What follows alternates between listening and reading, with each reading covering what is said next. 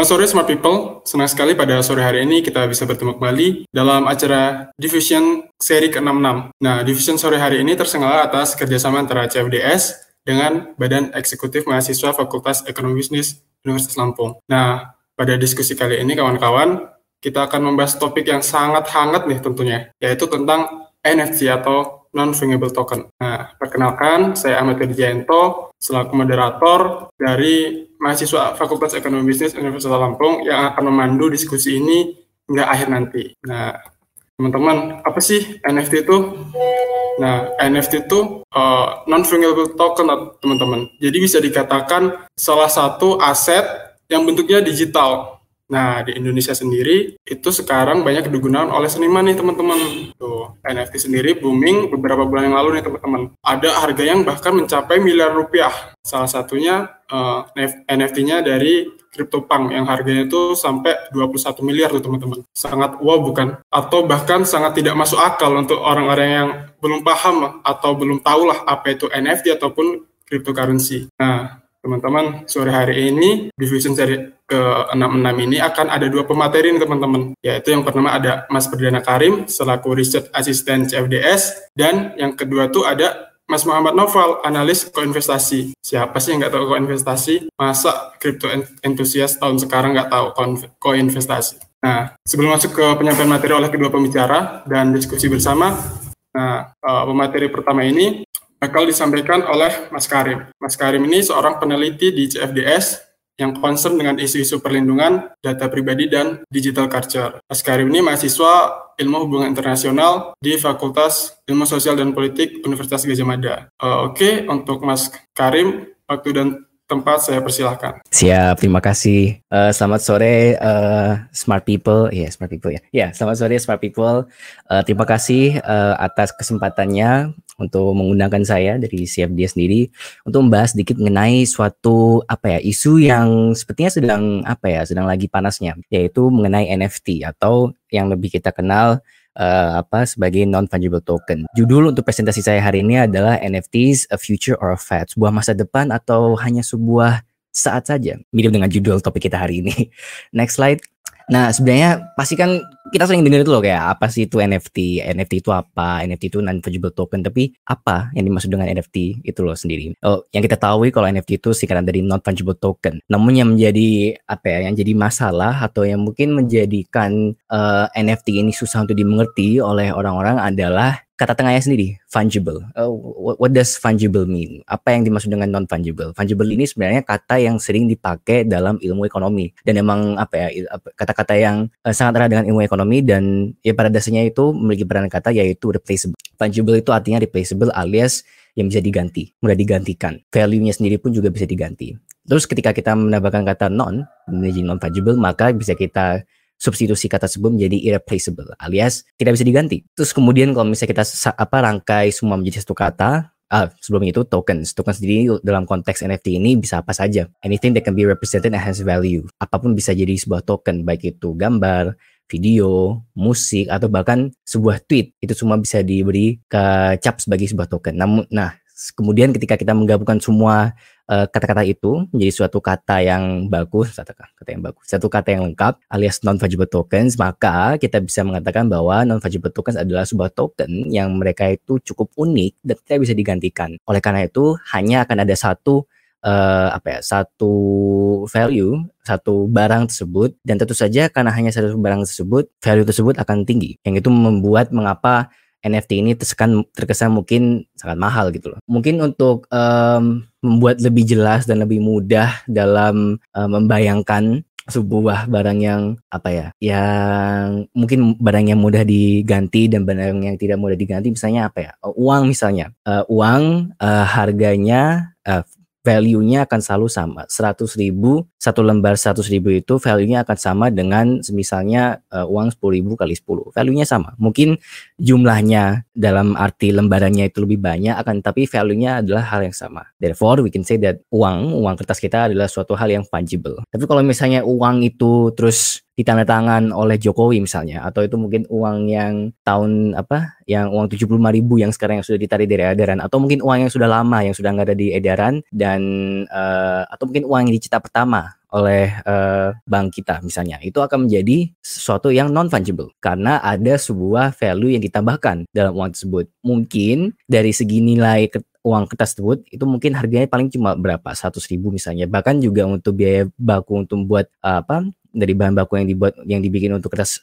kertas itu kan gak nyampe seratus ribu kan. Nah kemudian ditambahin value-value tersebut karena itu mungkin uangnya lama atau karena itu mungkin uangnya langka atau apa gitu maka akan lebih mahal gitu menjadi sebuah collector's item. Kurang lebih seperti itu sih. Mungkin kalau dalam konteks yang lebih gede lagi uh, yang sering digunakan oleh apa contoh-contoh ketika membahas NFT ini adalah Mona Lisa misalnya. Hanya ada satu gambar Mona Lisa di dunia ini maka dari itu dia bersifat non fungible. Kita tidak bisa mengendikan uh, gambar Mona Lisa tersebut dengan uh, print-printan dari gambar Mona Lisa, Mona Lisa, Mona Lisa lain karena ya hanya ada satu Mona Lisa saja, yang lain hanya adalah tiruan. Therefore, value-nya ada pada yang asli, yang langka dan sebagainya. Next. Nah, terus gimana sih caranya NFT ini tuh bisa bekerja dan kenapa yang bisa bikin sangat berharga? Tadi kan sudah sempat saya jelaskan sedikit kenapa suatu barang yang non fungible itu mungkin bisa berharga daripada yang fungible. Tapi in particular, kenapa NFT ini sangat uh, berharga? sangat mm, apa ya very valuable dan bagaimana cara kerjanya. Kalau dari ilustrasi, ilustrasi ini ada sebuah block dan chain, therefore blockchain. Jadi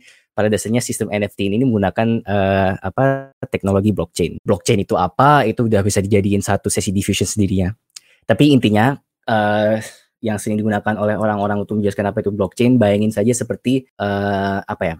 hmm, kita mundur dulu. Kalau kita bertransaksi menggunakan kartu debit maupun kartu kredit, maka yang akan melakukan proses pembayaran tersebut adalah bank. Bank sebagai orang apa ya, sebagai middleman yang akan melakukan verifikasi dan uh, pembayar dan dan menunjukkan dan meneruskan proses pembayaran tersebut. Jadi bank akan melihat oh misalnya misalnya saya saya ingin beli aku ingin beli McD. Ya udah aku ke McD harganya 50.000.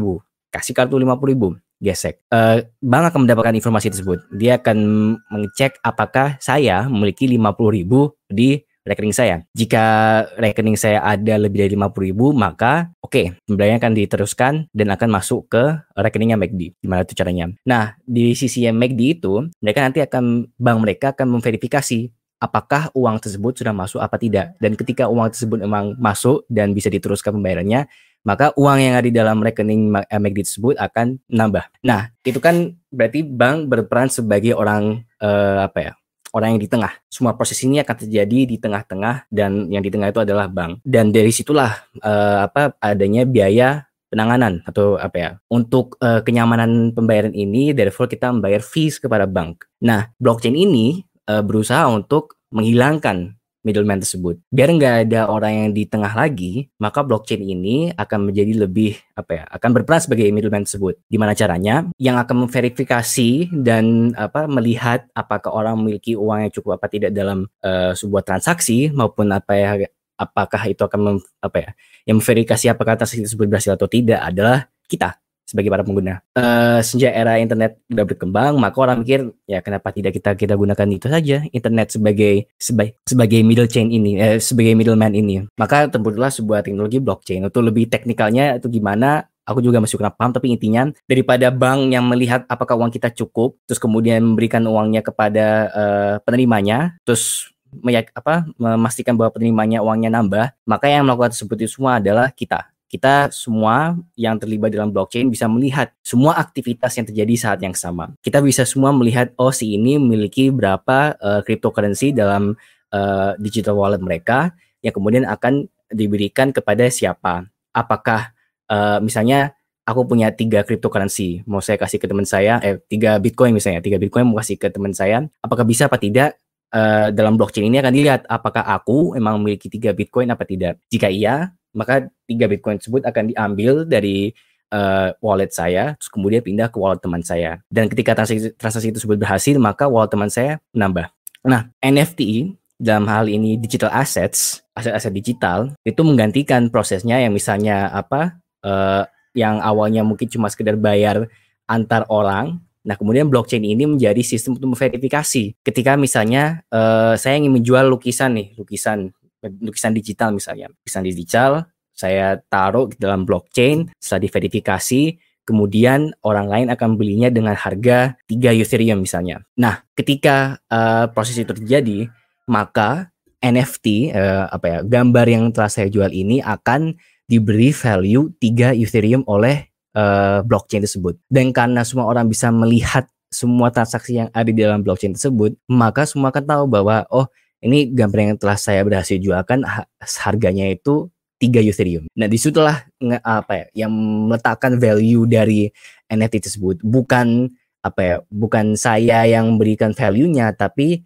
hasil dari transaksinya itu yang memberikan value-nya. Jadi misalnya saya saya jualnya mungkin harganya 2 Ethereum, tapi mungkin orangnya mau belinya harga 3. Nah, ya udah uh, hasil hasil pembeliannya itu yang akan menentukan harga dari uh, apa NFT yang saya jualkan tersebut dan karena sistem blockchainnya itu transparan, bisa dilihat oleh semua orang dan semuanya akan tercatat, maka akan diketahui juga siapa yang sekarang menjadi pemilik dari gambar tersebut. Oh, yang sekarang jadi pemilik gambar tersebut adalah orang yang saya jual kepada. Maka oleh dari itu dia yang akan memiliki uh, gambar tersebut dan saya dapat uang 3 Ethereum misalnya gitu. Kurang lebih seperti itu uh, bagaimana blockchain ini uh, berfungsi. Next. Nah, uh, tren dari NFT ini sudah mulai sejak uh, tahun ini kurang lebih ya. Tapi tren yang terjadi ini cukup apa ya cukup cepat dan cukup menarik untuk lihat bagaimana perkembangannya hanya dalam setahun saja. Pada awalnya NFT yang dijual itu seperti yang bisa kalian lihat di sebelah sini NFT Zen adalah misalnya keberhasilan Beeple untuk menjual sebuah NFT sebanyak 69 uh, uh, banyak banget itu pokoknya berapa dolar itu? 69 69 million dollars which is a lot. Untuk sebuah art style yang pada eh, untuk sebuah artwork yang pada awalnya dia populer hal, paling jual cuma 100 dolar. Terus Jack Dorsey, dia berhasil untuk menjual tweetnya dia sendiri. Tweet pertama yang dia uh, upload di situs Twitter, Jack Dorsey ini adalah CEO dari Twitter, seharga 2.9 million dollars. Nah, value yang diberikan itu ya seperti yang saya tadi katakan, mereka yang tidak menentukan value-nya. Tapi ketika mereka sudah mentaruhkannya dalam sistem blockchain, kemudian sudah ada yang menawarkannya, dan ketika sudah berhasil dijualkan, maka itu adalah value yang diberikan kepada NFT tersebut. Nah, untungnya eh, Jack Dorsey ini uh, apa setelah berhasil menjualkan NFT tersebut, dia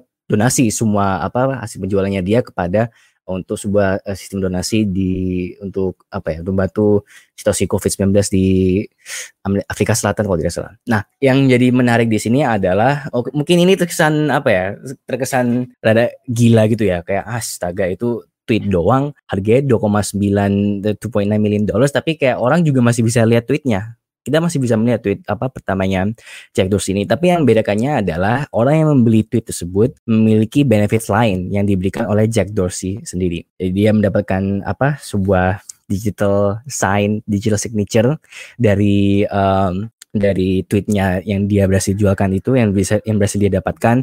Terus apa ya proof of authenticity bahwa tweet ini sekarang milik dia. Meskipun tweet tersebut masih ada di akunnya Jack Dorsey dan masih bisa kita lihat untuk secara gratis tapi yang punya itu ya orang yang beli. Emang apa ya, rada-rada susah untuk dipahami, emang maklum saya juga masih apa ya, masih nggak percaya ke kalau bisa seperti ini. But anyway, NFT sekarang uh, karena sudah cukup populer sekarang NFT yang saya lihat cukup dikomersialkan, cukup menjadi sebuah apa ya, sebuah tren lah pada dasarnya. Salah satunya adalah contohnya adalah OpenSea ini yaitu uh, situs untuk jual beli NFT dan untuk membuat NFT juga. Jadi salah satunya yang cukup populer yang mungkin teman-teman sering lihat jadi profile picture beberapa orang di Twitter adalah Board Ape Yacht Club. Pada dasarnya uh, eh, NFT yang dijualkan uh, hanya berjumlah 10.000 saja dan itu adalah variasi dari uh, gambar monyet ini.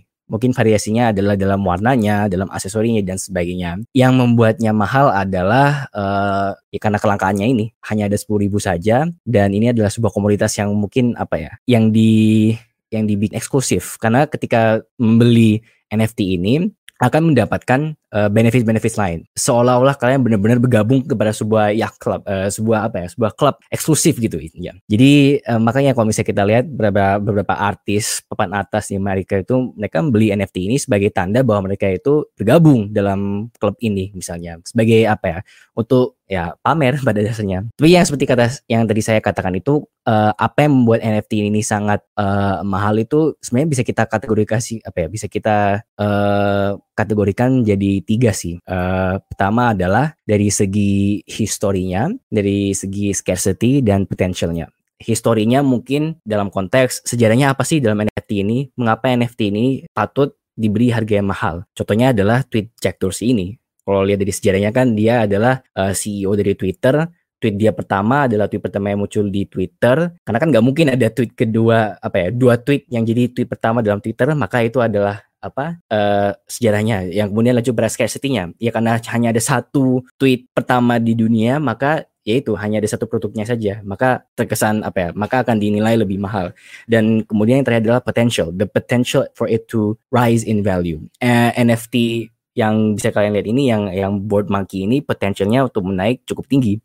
Mungkin pada awalnya mereka beli seharga 3 Ethereum, tapi kemudian kalau misalnya dijual kembali harganya bisa berlipat ganda sampai 86 Ethereum. Yang itu udah cukup mahal untuk satu Ethereum aja sudah cukup mahal gitu. Jadi apa ya ketika kita melihat NFT ini kita harus selalu ingat kayak oke okay, mungkin ada segi historisnya yang bikin dia mahal atau mungkin ada segi uh, kelangkaannya yang buat dia mahal atau itu adalah sebuah segi potensialnya seperti investasi pada umumnya. Mungkin dia akan berpotensi lebih mahal lagi kemudian. Namun karena ini masih suatu hal yang baru, next slide. Nah, karena ini masih suatu hal yang baru, tentu saja NFT ini mengundang berbagai macam apa ya diskusi yang menyorot kepada isu-isu apa ya problem uh, yang ada yang muncul karena NFT sendiri. Uh, and, um, apa ya masalah yang sering diomongkan uh, kita membahas NFT ini adalah dari segi uh, apa dari segi environmentalnya itu dari segi lingkungannya karena emisi karbon yang dihasilkan oleh mesin-mesin blockchain ini cukup besar karena mesin ini harus uh, apa bekerja terus 24 jam nonstop untuk memverifikasi dan uh, apa dan meneruskan uh, semua transaksi yang ada dalam dunia ini. It takes a lot of power and it's not a free machine. Ini menggunakan uh, energi yang tidak gratis, yang tidak replaceable juga. Kemudian adalah copyright issues, yang apa ya, meskipun apa ya, dari tadi aku berbicara mengenai NFT ini sebagai apa ya, orang bisa menjual karya mereka, tapi yang jadi masalah adalah dari sistem untuk verifikasi NFT tersebut tuh masih kurang. Bisa aja aku ngambil artwork punya orang, karya punya orang lain, nyomot, terus jual aja sebagai NFT. Karena kadang-kadang beberapa situs NFT tersebut tidak memverifikasi apakah yang kita jual ini tuh sebenarnya milik kita dari awal gitu loh. Sehingga kan jadi sebuah area yang abu-abu itu loh. Kayak apakah yang saya jualkan ini adalah sebenarnya milik saya sendiri atau ini sebenarnya hasil colongan orang lain gitu. Dan bahkan ketika kita membeli NFT tersebut, kadang-kadang itu tidak menjamin bahwa NFT tersebut akan menjadi milik kita. Dalam arti tidak menjamin bahwa gambar tersebut akan 100% menjadi milik kita. Ada beberapa NFT yang menjamin bahwa oke okay, ketika kalian membeli NFT ini maka semua hak akan menjadi milik kalian kalian boleh menggunakannya untuk apa saja. Tapi ada juga yang hanya memberikan kode NFT-nya tersebut, alias ya gambar yang yang terdapat dalam blockchain tersebut. Bukan berarti itu memberikan hak sepenuhnya atas gambar tersebut dari yang buat karyanya misalnya gitu. Terus kalau misalnya apa teman-teman mendengarkan penjelasanku itu sepertinya terdengar seperti apa ya? Seperti mirip-mirip dengan dot com bubble pada awalnya itu loh. It apa ya? sounds like a bubble. Let's face it, in, in, ini masih baru berkembang apa ya? Ber, uh, berkembang secara cepat semuanya pada tertarik, tapi sebenarnya orang itu masih nggak terlalu paham, masih belum terlalu ngerti secara penuh bagaimana cara NFT ini berfungsi, bagaimana NFT ini bisa berkembang maupun bagaimana cara NFT ini apa ya memberikan dampak kepada lingkungan kita. Dan bisa jadi karena ini terlalu hype dan karena terlalu apa ya terlalu dibesar-besarkan, maka bubble ini bisa aja meletus pada seperti bisa kita lihat dari dot com bubble gitu dan sebagainya. Sekolah ini personally aja sih yang jadi masalah dengan NFT adalah kultur dari NFT tersebut. Uh, kalau misalnya teman-teman mengikuti sosial media dalam khususnya dalam isu-isu cryptocurrency dan sebagainya, uh, cryptocurrency hmm. ini bagi orang-orang yang bermain kripto tidak hanya sebagai apa as a way of investment tapi sebagai lifestyle. Mereka cukup memberanikan diri diri mereka sebagai crypto bros atau NFT bros dan yang apa ya, yang seolah-olah memanfaatkan sebuah hasil culture yang harus selalu grind mindset dan sebagainya dan itu personally menurutku sangat apa ya mengganggu dan itu kayak yang yang membuat orang-orang mungkin tidak akan terlalu tertarik dengan NFT karena terkesan norak padahal mungkin sebenarnya membantu. Nah yang terakhir kalau ini juga personal sendiri sih itu adalah hype hype-nya itu loh. Kadang-kadang ya ini adalah teknologi baru wajar akan selalu ada hype yang ada di baliknya. Dan itu pasti akan ada selalu hype-nya. Tapi yang jadi masalah adalah it's too much sometimes. Kayak hype-nya itu kadang terlalu banyak yang membuat orang-orang itu menjadi ragu untuk memberikan apakah NFT ini sebenarnya uh, bermanfaat apa tidak. Next slide. Tapi sebenarnya nggak semua apa, meskipun ada masih ada beberapa masalah dari NFT ini, tentu saja juga ada positifnya. Itu. Jadi kita coba lihat dari sisi negatif dan positifnya nih. Kalau dari uh, segi positifnya yang aku bisa pikirkan adalah ini merupakan apa ya NFT sendiri merupakan cara untuk penggunaan blockchain yang menarik karena kalau dulu blockchainnya dipakai hanya untuk transaksi saja untuk apa ya sebagai ledger untuk melihat transaksi yang berlangsung yang biasanya itu hanya transaksi bayar saja misalnya aku bayar apa ke siapa gitu tapi sekarang ini menjadi sebuah uh, bentuk uh, penggunaan blockchain ini menjadi uh, sistem yang untuk membeli membeli aset-aset digital. Jadi hmm, nauzilah apa ya amin-aminnya kalau misalnya NFT ini uh, jadi adalah sebuah bubble dan meletus pop, tapi setidaknya teknologi dari blockchain ini masih ada dan cara mudahnya itu masih akan ada. Dalam arti siapa tahu di masa depan kalau NFT ini apa ya, NFT ini mungkin permulaannya, tapi siapa tahu besok kita ada digital asset seperti sertifikat tanah misalnya. Sertifikat tanah yang bisa kita verifikasi dalam blockchain kan akan cukup membantu.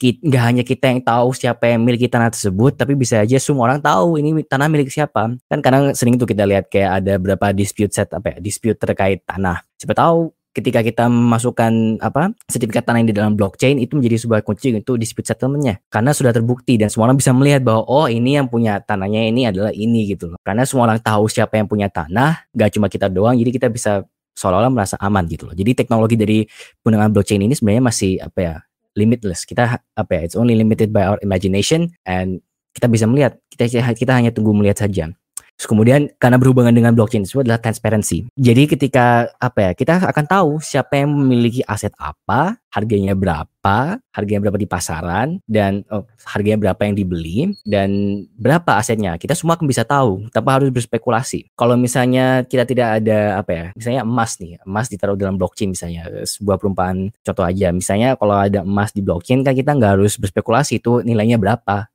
ada berapa gram gitu ya punyanya siapa. Dengan blockchain ini kan jadi kita tahu misalnya apa ya uh, foto ini milik siapa misalnya milik saya harganya berapa kan ketahuan gitu. Jadi kalau misalnya ada yang ngeklaim kalau misalnya dia yang punya gambar yang serupa ya kita bisa tahu yang aslinya itu siapa pemiliknya gitu.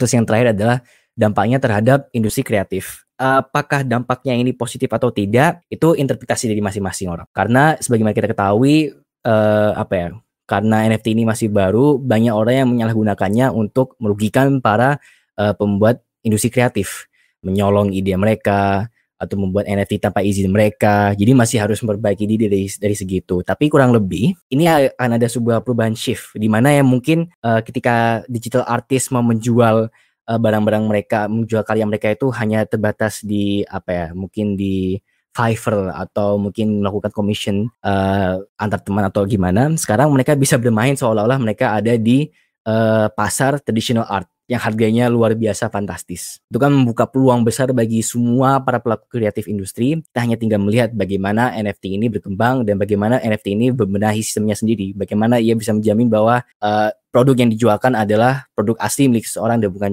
hasil curian. Next. Nah, uh, kebetulan di dalam tour yang disebutkan oleh CFDS uh, harus membahas sedikit tentang apa perkembangan NFT di Indonesia. Tapi kalau menurut saya sebelum kita ngomongin tentang perkembangan NFT di Indonesia, kita harus ngomongin RUU PDP di Indonesia dulu. Karena teknologi dari NFT ini, penggunaan blockchain dan sebagainya ini akan pada dasarnya menggunakan data yang banyak, data pribadi, data eh data, data, pada dasarnya data, data pribadi kita. Dan yang menjadi permasalahannya untuk di Indonesia sendiri adalah ya data pribadi data pribadi kita itu aman gak sih? Selama masih aman menurutku perkembangan dari NFT ini bukannya jangan dulu tapi ada prioritas lain yang lebih penting gitu loh, yaitu adalah penjagaan data pribadi kita dalam bentuk RUU PDP misalnya, atau yang lainnya misalnya, kalau pun ada. Nah, makanya apakah NFT ini bisa berkembang di Indonesia? Ya bisa-bisa aja. Cuma yang jadi masalahnya adalah beberapa uh, aplikasi cryptocurrency atau berapa apa ya uh, website cryptocurrency ini yang bekerja di Indonesia ini ada-ada apa ya suspicious dalam arti uh, kalau dari pengalaman saya sendiri ketika sudah membuat akun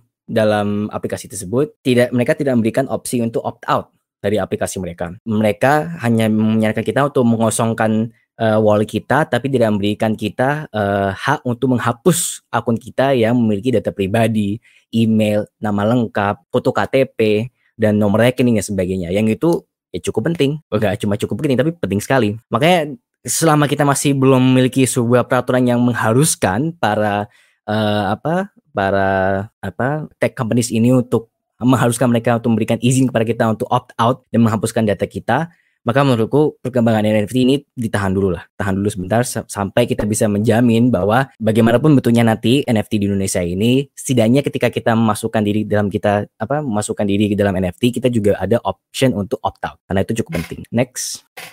Nah, kesimpulannya apakah NFT ini menjadi sebuah masa depan atau hanya sebuah sesaat? Kalau pribadi, mungkin ya akan jadi sebuah masa depan, tapi nggak menjadi masa depan yang kita bayangkan. Dalam arti kalau kita melihat kultur NFT sekarang seperti apa, saya rasa tidak akan bertahan cukup lama karena itu bersifat temporary lah ya. Dan apa ya, kalau orang-orang kalau misalnya kita bahas NFT mereka masih cukup skeptical. Cukup skeptis dalam arti to the point of resentment atau malah kurang suka dengan apa konsep NFT ini. Dan it, that, itu understandable lah. Karena kalau kita misalnya lihat NFT ini, ini adalah permainan orang kaya. Harganya aja udah minimal 3 Ethereum, bisa dijual 86 Ethereum. Itu Ethereum aja satunya itu udah berapa berapa juta gitu loh. Dan itu bukan permainan apa orang-orang kecil seperti saya tentunya.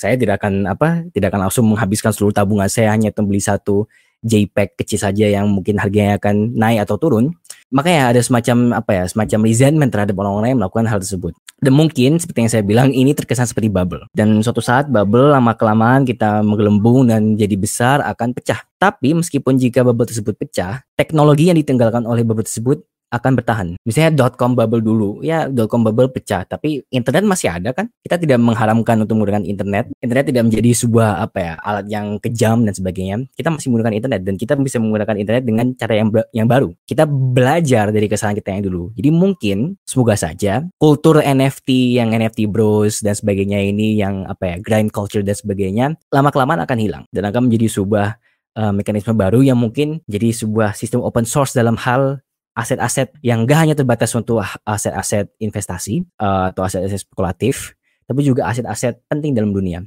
Karena teknologi dari blockchain ini kalau misalnya aku dipikir, kalau misalnya aku mikir itu cukup penting karena proses verifikasi dan kayak orang semua tahu siapa yang milik apa, harganya berapa itu penting. Transparansinya ini cukup penting. Cuma kan tinggal masalah implementasi, implementasinya saja. Karena ini kan bermain dengan data yang cukup besar. Jadi semoga aja NFT ini akan bertahan dalam bentuk yang lain tentunya. Next kayaknya itu saja dari aku. Kayaknya aku terlalu lama. Uh, mohon maaf dan terima kasih. Oke, mantap sekali materi dari Mas Karim tentunya.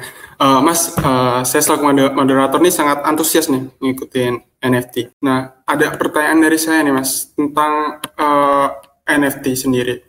Uh, mungkin kawan-kawan uh, sendiri yang menonton nih uh, penasaran gimana sih cara jual, cara belinya, uh, biaya apa aja yang bakal dikeluarkan ketika kita akan menjual dan apa ya uh, mendevelopnya membuatnya tuh apa sih sasaran-sasarannya gitu bang uh, itu aja sih mungkin bisa dari Mas Karimnya bisa dijawab. Eh hey, thank you itu kayaknya cukup apa ya menarik ya pertanyaannya pertanyaannya karena apa ya rasa ketidakpercayaan dari NFT ini muncul karena ketidaktahuan. Saya tadi cuma jelaskan kayak apa itu NFT tapi saya tidak menjelaskan bagaimana cara membeli maupun menjual NFT karena jujur saya juga nggak tahu.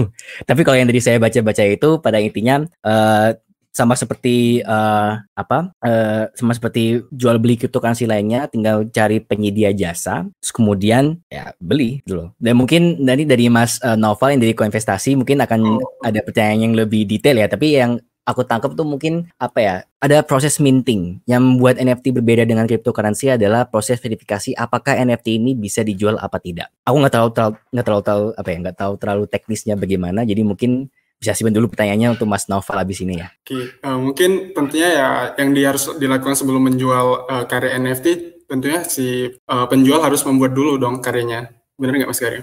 Oke, uh, kalau begitu uh, terima kasih Mas Karim atas materinya. Uh, selanjutnya kita bakal beralih ke pemateri kedua yaitu Mas Muhammad Novel Sebenarnya saya akan bacakan biografi tentang Mas Novel, yaitu Mas Novel itu adalah alumni dari Fakultas Ekonomi dan Bisnis Universitas, uh, Universitas Indonesia dengan jurusan Ekonomi Islam angkatan 2016. Nah, Mas Novel ini aktif nih sebagai analis dan content creator koinvestasi. Uh, tahu dong harusnya crypto enthusiast koinvestasi itu apa. Uh, udah lumayan terkenal dong. Nah, Mas Novel juga nih sekarang jadi uh, pernah aktif jadi analis dan writer di Indonesia Crypto Network uh, Mas Novel juga aktif jadi trader cryptocurrency sejak 2016 dan investor cryptocurrency sejak 2017. Oke, kepada Mas Novel, waktu dan tempat saya persilahkan. Oke, jadi kenalin nama uh, gue apa saya ya? nama saya deh. Nama saya Novel. Saya dari Koinvestasi, salah satu media kripto yang leading di Indonesia. Dan hari ini uh, sebenarnya topiknya mirip-mirip sama uh, pemateri sebelumnya juga, tapi ini agak ada sedikit berbeda lah dari sudut pandangnya. Oke, lanjut ya. Boleh next. Nah, oke jadi intinya kita pertama bakal ngenalin dulu apa sih sebenarnya NFT atau non fungible token. Nah, di sini aku pembawaannya sebenarnya agak lebih gimana ya? Bahasanya ada yang lebih advance karena aku asumsinya uh, mahasiswa-mahasiswa di sini tuh udah pada ngerti tentang kripto. Karena keren banget jujur. UI aja beberapa ada yang belum ngerti, jadinya keren lah Unila dan UGM. Oke lanjut, jadi uh, eh, NFT ini ya, intinya seperti yang tadi udah dibilang tuh NFT ini adalah digitalisasi aset. Jadi intinya uh, NFT itu uh, adalah bentuk token atau penyimpanan data dari suatu aset yang nyata. Jadi misal kita punya aset di dunia nyata, Terus semua aset itu tuh bisa kita NFT-in. Maksudnya nanti aset itu tuh datanya, data kepemilikannya itu tersimpan pada yang namanya blockchain. Nah kalau suatu udah disimpan di blockchain, biasanya tuh uh, disimpannya yang namanya smart contracts dan kalau udah dicatat itu nggak bisa diubah-ubah dan nggak bisa dimanipulasi lagi. Jadinya emang kalau dari blockchain tuh terkunci banget lah. Nah makanya ini juga dianggap sebagai uh, revolusi baru. Nah terus NFT ini tuh uh, singkatan dari non fungible token atau Nifty kalau bahasa slangnya di bule-bule Amerika. Nah karena NFT ini tuh uh, eh, non fungible artinya satu NFT tidak sama dengan satu NFT beda sama kripto yang kripto itu adalah fungible token. Jadi satu bitcoin misal sama dengan satu bitcoin tapi satu NFT tidak sama dengan satu NFT nah jadi uh, karena adanya perbedaan tersebut non fungible token tuh intinya ingin menjaga kepemilikan digital. Karena NFT tuh nggak bisa uh, kalau suatu hal udah di NFT-in ya berarti kepemilikannya udah kelihatan. Dan kalau misalnya ada yang malsuin jadinya ketahuan. Makanya itu menjaga kepemilikan digital dan menjaga kelangkaan juga. Karena kalau misalnya satu hal udah di NFT-in ya supply atau persediaannya udah tercatat di blockchain. Dan kalau misalnya ada yang uh, kalau misalnya permintaannya naik ya itu harganya biasanya naik karena emang harganya eh supply-nya tuh udah terbatas atau udah tercatat resmi lah. Jadi nggak bisa dimanipulasi lagi. Nah ini tuh mulai booming karena menurut eh sorry tadi belum selesai.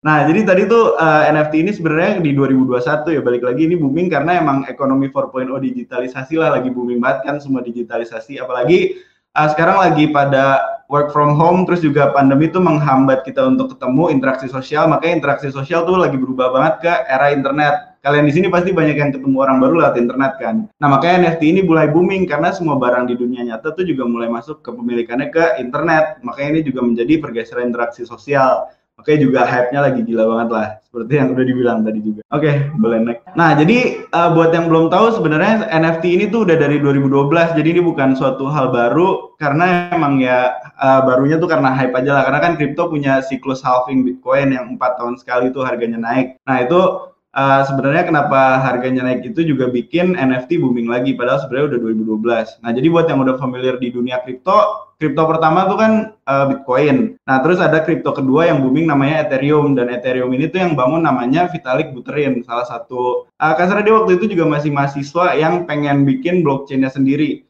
Nah, jadi waktu itu tuh dia juga terlibat dalam salah satu developer aktif Bitcoin dan juga dia terlibat di Bitcoin Magazine. Intinya waktu itu dia bikin suatu blockchain sebelum Ethereum dia bikin yang namanya Colored Coins. Nah, Colored Coins ini tuh intinya langkah pertama NFT di mana dia Vitalik Buterin ini tuh pengen bikin suatu blockchain yang bisa nyimpan data aset secara digital karena waktu itu Bitcoin kan fokusnya untuk uh, sistem pembayaran aja transaksi peer to peer untuk perpindahan Bitcoin aja lah nggak bisa nyimpan data lainnya. Nah makanya Vitalik tuh muncul dengan Colored Coins sebagai blockchain pertama sebelum dia bikin uh, Ethereum. Nah dari Colored Coins mulai muncul uh, blockchain-blockchain lagi yang bikin uh, hal yang sama. Nah waktu itu uh, sempat booming juga dari 2012 ke 2014 tuh namanya uh, counterparty. Jadi counterparty ini adalah salah satu blockchain yang fokusnya ke NFT pertama. Itu tuh dia berdiri di 2014, 2013, 2014 lah. Nah, habis itu di situ tuh mulai muncul kegunaan-kegunaan NFT baru dan di sini juga muncul NFT art pertama yaitu uh, yang kodok hijau ini nih kalau lihat itu uh, meme frog PP itulah. Oke waktu itu tuh NFT-nya bentuknya masih kayak gitu doang. Terus di situ juga ada NFT game karena sekarang kan lagi booming nih main game dapat cuan banyak karena gamenya game crypto yang rewarded dalam crypto terus bisa dikonvert ke fiat. Nah jadi waktu itu tuh sempat ada game namanya Spells of Genesis di mana itu tuh gamenya kayak Yu-Gi-Oh atau kayak ya kayak Yu-Gi-Oh lah trading card game gitu. Dan intinya di situ tuh uh, semua kartunya dalam bentuk NFT terus juga ya Habis itu orang yang main tuh bisa jual beli NFT kartunya, jadinya nggak dikontrol sama Spells of Genesis, tapi semua kepemilikannya punya dia, jadinya bisa menghasilkan uang juga di luar bermain atau bertarung lah kasarnya. Nah terus dari situ mulai muncul lagi uh, banyak NFT-NFT lagi dan waktu itu boomingnya di 2017, namanya CryptoPunks. Jadi seperti yang tadi Ujo dibilang juga, CryptoPunks tuh muncul di 2017 dengan koleksi NFT pertamanya, di mana uh, dari situ tuh mulai muncul apa ya ketertarikan-ketertarikan baru karena balik lagi di 2017 tuh harga kripto lagi naik gila-gilaan karena siklus 4 tahun tadi. Nah, jadi 2017 tuh kayak lagi burannya atau lagi puncak harganya lah sebelum habis itu koreksi lagi kan. Nah terus di 2017 juga muncul game kripto pertama namanya CryptoKitties. Jadi ini tuh kayak main Tamagotchi tapi bedanya ini di blockchain dan kita tuh kayak ternak kucing gitu nanti kucingnya bisa diperjualbelikan dan ya banyak fitur-fitur lain lah untuk menghasilkan Ethereum. Nah ini semuanya masih di blockchain Ethereum karena waktu itu Vitalik Buterin udah bikin blockchain Ethereum dan udah keluar dari Cloud Coins. Nah dari CryptoKitties waktu itu tuh uh, booming banget lah NFT. Intinya jadi banyak orang yang sadar kalau NFT itu ya bisa menghasilkan uang bahkan pas market lagi crash di 2018. Nah makanya dari situ juga mulai pada pakai OpenSea salah satu bursa atau tempat perdagangan NFT pertama yang juga booming di blockchain Ethereum yang sampai sekarang tuh pakai uh, masih dipakai terus karena NF, uh, platform OpenSea ini tuh bisa memperdagangkan semua jenis NFT, nggak cuma NFT yang niche kayak CryptoPunks atau kayak cuma lukisan doang, karena di OpenSea itu bisa menjual semua jenis lukisan. Nah terus dari sini mulai booming-booming lagi dan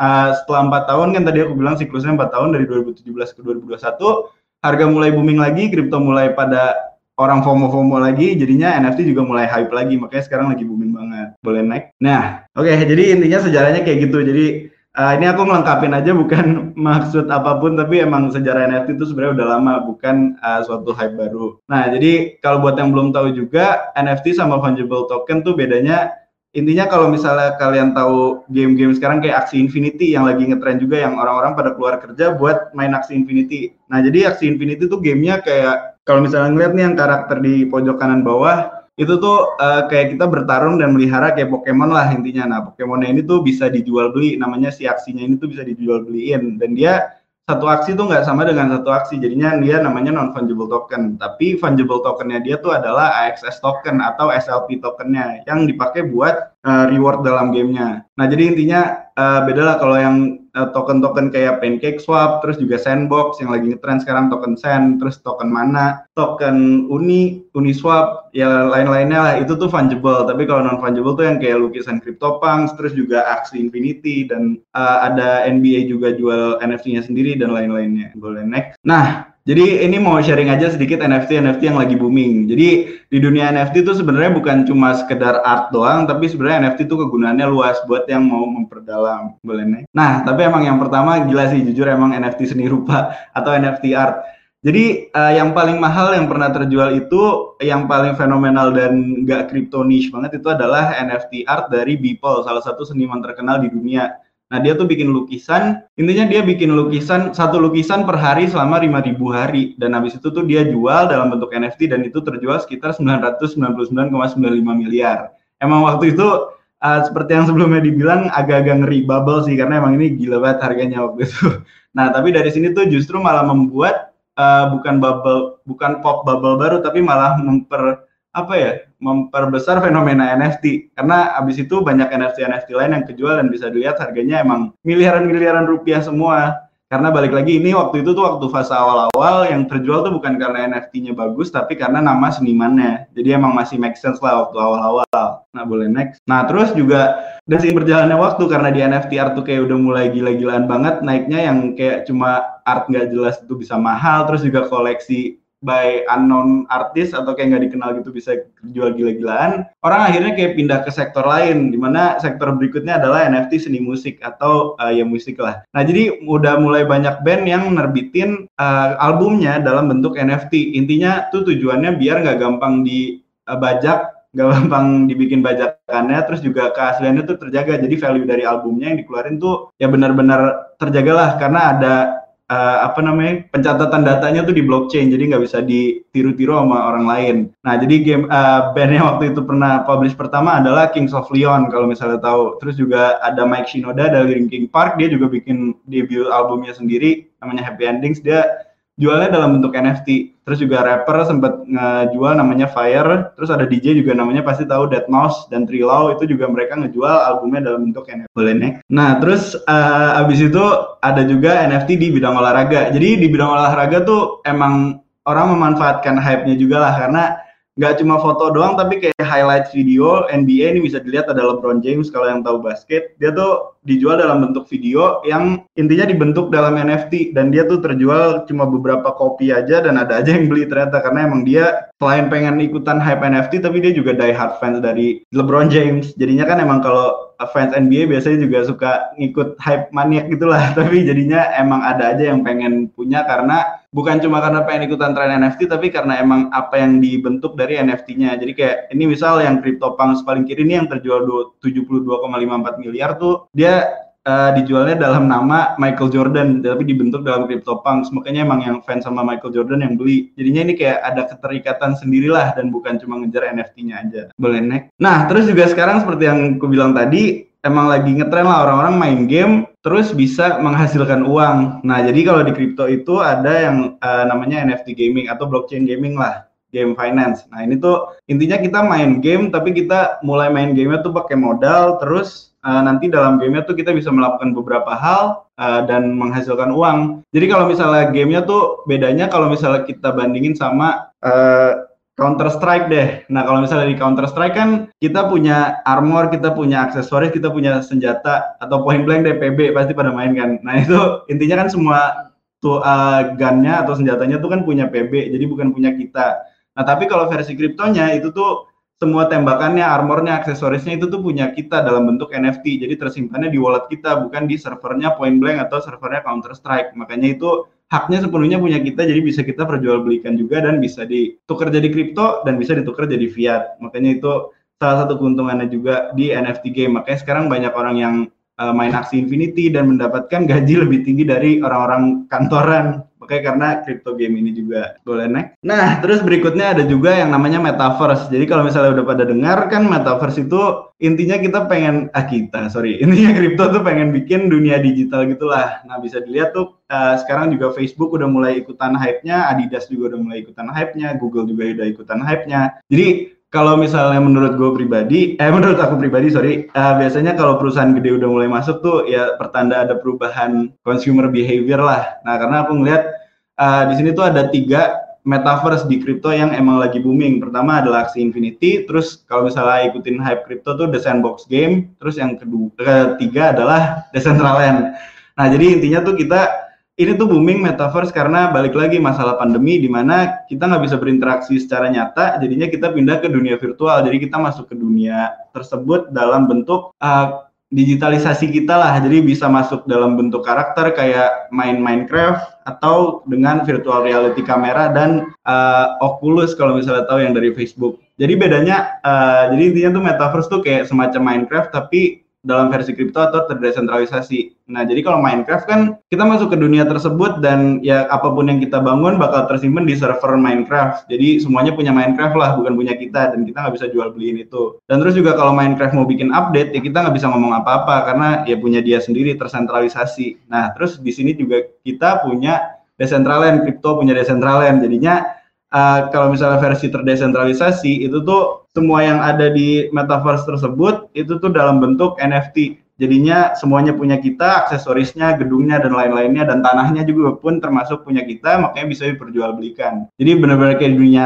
dunia nyata lah. Jadi tanahnya pun juga bisa diperjualbelikan dan nanti kalau misal punya tanah, kita bisa bangun gedung secara virtual yang gedung itu juga bisa disewa untuk misal seminar seminar virtual atau bikin virtual office atau bahkan kayak semacam bikin konser aja pun udah banyak yang di sini. Kalau dari bule-bule Amerika balik lagi di Indonesia belum banyak yang menerima karena belum ngerti sepenuhnya. Boleh next. Nah terus juga di sektor real ini NFT udah banyak yang pakai juga. Jadi ada uh, kalau kalau coin kan waktu itu udah jadul banget udah 2012 dan sekarang tuh ada versi barunya namanya Ethereum. Jadi semua yang kita pengen simpen dalam digital biar nggak termanipulasi. Seperti contohnya kontrak tanah tadi yang udah dibilang itu tuh sempet udah ada yang pakai tapi bukan di Indonesia. Jadinya itu tuh data tanah kita kepemilikannya tuh udah dipindahin ke blockchain. Jadinya kalau mau pindah tangan tinggal tulis di smart contracts baru aja. Jadinya nanti langsung transfer tanpa harus ribet-ribet urus secara manual. Terus ada juga upline nih. Ini salah satu yang menjadi bentuk uh, eh, NFT secara nyata. Jadinya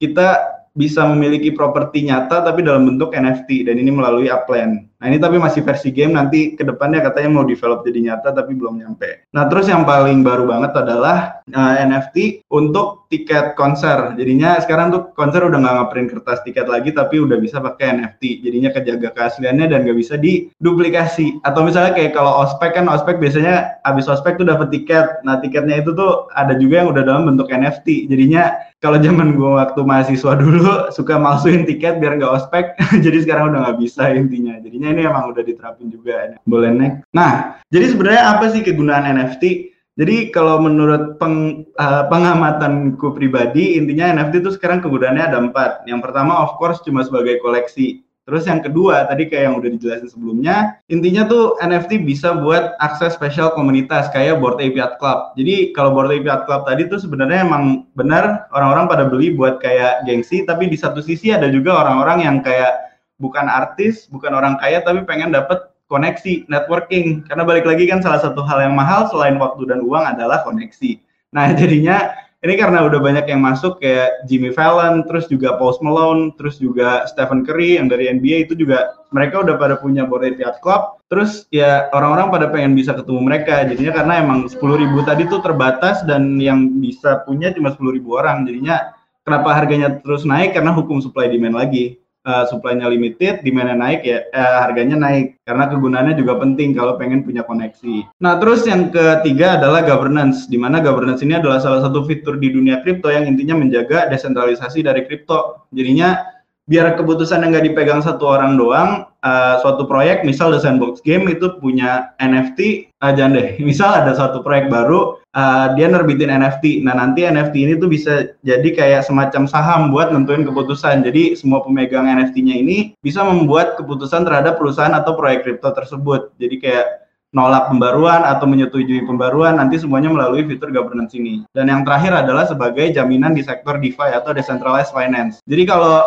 uh, decentralized finance ini tuh adalah salah satu fitur di dunia kripto yang intinya menggantikan sistem perbankan karena uh, dia tuh bergerak secara terdesentralisasi tanpa pihak ketiga. Jadi kayak kalau ada orang yang mau minjem kripto dari peer to peer langsung ketemu tanpa harus di clearing sama pihak ketiga. Nah, jadinya jaminan untuk pinjaman tersebut juga sekarang udah bisa pakai NFT, makanya kegunaannya udah mulai luas banget dan emang ekosistem keuangannya juga udah masuk ke NFT, nggak cuma sekedar hype koleksi doang, kayak gitu. Boleh next? Nah, cara jual beli NFT. Jadi intinya kalau misalnya kalian baru mau masuk ke dunia NFT, uh, eh, kalau misalnya mau ngejual, intinya tuh kalau zaman dulu orang tuh ngomong intinya harus punya uh, kalau misalnya mau pakai platform NFT, uh, eh, intinya kalau misalnya mau pakai platform NFT itu dia harus punya Ethereum dulu, misal OpenSea dia harus punya Ethereum buat minting atau buat nerbitin, jadi dia bayar gas fees atau biaya, terus dia upload fotonya nanti atau videonya, baru habis itu diperdagangkan di bursanya. Nah jadi itu tuh zaman dulu, tapi sekarang kalau misalnya kalian mau upload NFT, udah ada beberapa blockchain lain yang uh, pengganti Ethereum, kayak misalnya Polygon blockchain yang tokennya tuh, eh koinnya tuh Matic. Nah itu jadi kalau misalnya kalian pakai blockchain Polygon dan mau pakai OpenSea, uh, sekarang tuh udah bisa nggak pakai biaya sama sekali, jadinya udah bisa gratis lah. Nah terus kalau misalnya mau beli tapi harus tetap pakai crypto. Oke boleh next, ini waktunya kelamaan maaf ya, boleh lanjut. Nah jadi uh, bursa NFT sendiri bukan cuma OpenSea doang karena uh, blockchain di kripto pun banyak. Jadi masing-masing blockchain pun juga udah pada punya NFT-nya sendiri yang biayanya juga berkompetisi lah intinya pada murah-murah semua dan ada juga yang gratis. Jadinya bursanya biasanya gratis biaya tapi nanti dipotong dua setengah persen dari profitnya eh dari revenue-nya untuk uh, ke bursanya. Jadinya biar bursanya tetap dapat profit karena balik lagi ini emang tetap perusahaan dan ada uh, developernya lah untuk menguntungkan developernya. Dan ini semua kalian bisa lihat di namanya DAPP RADAR depredar.com. Nah ini tuh lengkap lah data tentang NFT, semuanya ada di sini dari marketplace atau bursanya. Terus apa aja yang lagi mahal, apa aja yang lagi murah. Kalau misalnya kalian mau coba ikutan ngeflip atau jual beli NFT. Oke, okay, boleh nih. Nah, oke okay deh guys, kayak gitu aja. Semoga bermanfaat, selamat mencoba dan explore. Thank you. Sorry panjang. Oke, okay, thank you buat uh, Mas Novel ya atas materinya yang sangat, wah, sangat kalau dijelaskan dengan rinci mungkin besok selesainya. Jadi Mas Novel, uh, mungkin ada beberapa pertanyaan dari saya. Tapi kalau mungkin saya tanyakan semua, mungkin ya lama juga nanti diskusi kita ya. Uh, tadi kan Mas Novel sempat bahas OpenSea tuh, uh, salah satu website ataupun tempat uh, berjual beli NFT. Nah, uh, beberapa hari yang lalu saya tuh baca mas di OpenSea tuh uh, ada kasus scam. Nah, ada nggak sih mas kiat-kiat dari Mas Novel untuk gimana sih cara kita menghindarinya gitu sebelum kita berjualan gitu mas di platform tersebut? Terdengar nggak mas? Sorry tadi agak putus-putus, ya nggak? Oh, oke. Okay, mas Karim, apa gue yang jelek ya? Sinyalnya. Mas Ahmad ya. putus-putus apa gue yang jelek ya? Aman rasanya mas. Mas Karim ngeliat nggak? oh. Oke, okay, saya ulangi ya. lagi iya. mas. Udah terdengar belum? Ya, udah terdengar belum mas Noval? Uh, halo. Halo. Masih ngadet. masih ngadet. Oke, cek. Udah kedengaran belum buat mas Noval? Kayaknya internetnya mas Noval masih agak tapi kalau di aku masih uh, ini aja sih. Oh iya. Oh iya. Di gua berarti ya. Oke, okay, uh, eh, gini Mas, tadi kan pertanyaan saya kan uh, Mas Novel tadi di materinya. Coba kalau aku matiin kamera deh, hujan. Oke, oke. Ya. Oke, udah terdengar belum Mas kira-kira suara saya? Uh, sorry banget nih, ini suaranya putus-putus. Dia, uh, kedengeran sih tapi putus-putus. Okay. Mungkin Oke, okay, uh, dari yaudah, Mas, nanti... tertulis private chat kali ya. Oh, oke. Okay. Nanti kita lanjut uh, diskusi lagi. Sebelumnya ini ada pertanyaan nih dari kawan-kawan uh, peserta. Uh, berhubung sinyal Mas Nova lagi jelek, kita ke Mas Karim dulu nih. Ini ada pertanyaan Mas dari via di via Dwi Ratnasari dari Untak. Uh, bagaimana cara kita untuk melindungi diri kita dari dampak negatif digitalisasi, Mas, terutama di NFT ini? Di balik banyaknya nilai positif tentunya yang uh, bakal didapat. Hmm, menarik ya, menjaga diri dari apa negatif? Dari um, negatif digitalisasi. Oke, okay, um, well, gimana ya? Uh, pertama disclaimer dulu, uh, apa ya? Meskipun NFT ini terkesan apa ya, very futuristic dan akan menjadi suatu yang penting di masa depan, mungkin uh, cara menjaga diri yang apa ya? Mungkin kalau dari aku pribadi adalah apa ya, evaluasi diri apa kita apa ya, apakah kita sendiri ini memang perlu beli NFT atau tidak gimana ya kayak uh, apakah kita merupakan target demografi dari NFT ini karena karena yang aku pribadi merasa bahwa uh, mungkin aku gak butuh nih NFT yang seperti sekarang ini. Kalau misalnya mungkin ke depannya NFT-nya apa menggunakan teknologi blockchain-nya untuk verifikasi aset-aset lain seperti sertifikat tanah, sertifikat rumah dan sebagainya, mungkin iya. Tapi kalau untuk sekarang untuk aku menghabiskan uh, 86 Ethereum untuk beli apa satu uh, apa board ape NFT itu jelas tidak. Um, tentu saja apa ya ini gimana ya cara yang menjelaskannya. Uh, bukan solusi yang absolut karena digital protectionism itu kalau dalam konteks sekarang ini memang rada susah sih makanya apa ya meskipun uh, meskipun kon apa ya uh, meskipun NFT ini bentuknya ada decentralized tapi ketika implementasinya terjadi dalam suatu negara tentu saja itu akan melibatkan pemerintahnya in more, way, in more ways than one. Dan itu akan melibatkan penggunaan data pribadi kita. Makanya uh, apakah uh, ada taktik dari diri kita sendiri untuk menjaga diri dari apa segi negatifnya ini secara langsung yang akan memiliki dampak besar? Aku rasa tidak. Kecuali kita emang tidak terlibat dalam urusan ini gitu loh. Uh, mau kita nggak ikutan NFT tapi ketika orang-orang masih apa ya orang-orang akan masukkan di dalam NFT kemudian mengingat tadi salah satu problematika dari NFT ini adalah isu kelingkungannya dan bagaimana ia emisi karbonnya cukup tinggi, ya kita tetap kena dampaknya. Meskipun kita tidak terlibat secara langsung dalam proses NFT tersebut, kita by emission, by by apa ya, indirectly, kita juga terkena imbas. Jadi it, it, it is hard kayak untuk untuk bisa melepaskan diri dari suatu uh, dampak dari digitalisasi gitu loh. Baik itu yang segi positif maupun uh, segi dari segi negatifnya. Kalau dari sisi positifnya ya kita akan masuk ke era yang apa ya yang menarik. Dalam arti metaverse ini mungkin akan jadi langkah yang pertama untuk bagaimana kita bisa membawa dunia nyata ke dalam dunia digital. And it's always interesting untuk melihat teknologi ini berkembang. Tapi ya gitu uh, kalau apa ya sebisa mungkin sih meskipun kon apa ya konsep dari masa depan yang serba digital ini kita tidak terlalu membayangkan apa ya uh, campur tangan dari pemerintahan. At very least kita dari segi pemerintahan harus ada semacam apa ya uh, pelindungan. Kembali lagi pelindungan data pribadi itu masih isu yang cukup sesama hot di Indonesia selama RUU PDP masih belum di uh, disahkan, diresmikan oleh DPR RI gitu sih. Itu mungkin sedikit apa ya saran dari saya, tapi kembali lagi ini bukan apa saran yang absolut dan bisa diterapkan. Ini mungkin seba, apa ya, sebagai uh, apa ya uh, sebagai saran saja sih. Oke, mungkin sambil menunggu peraturan resminya ya bisa lah kita mengikuti atau uh, ya hmm. follow hmm. tentang uh, berita terkini baik oh ya nggak cuma NFT ataupun cryptocurrency tapi tentang dunia digital gitu ya mas. Hmm. Betul betul.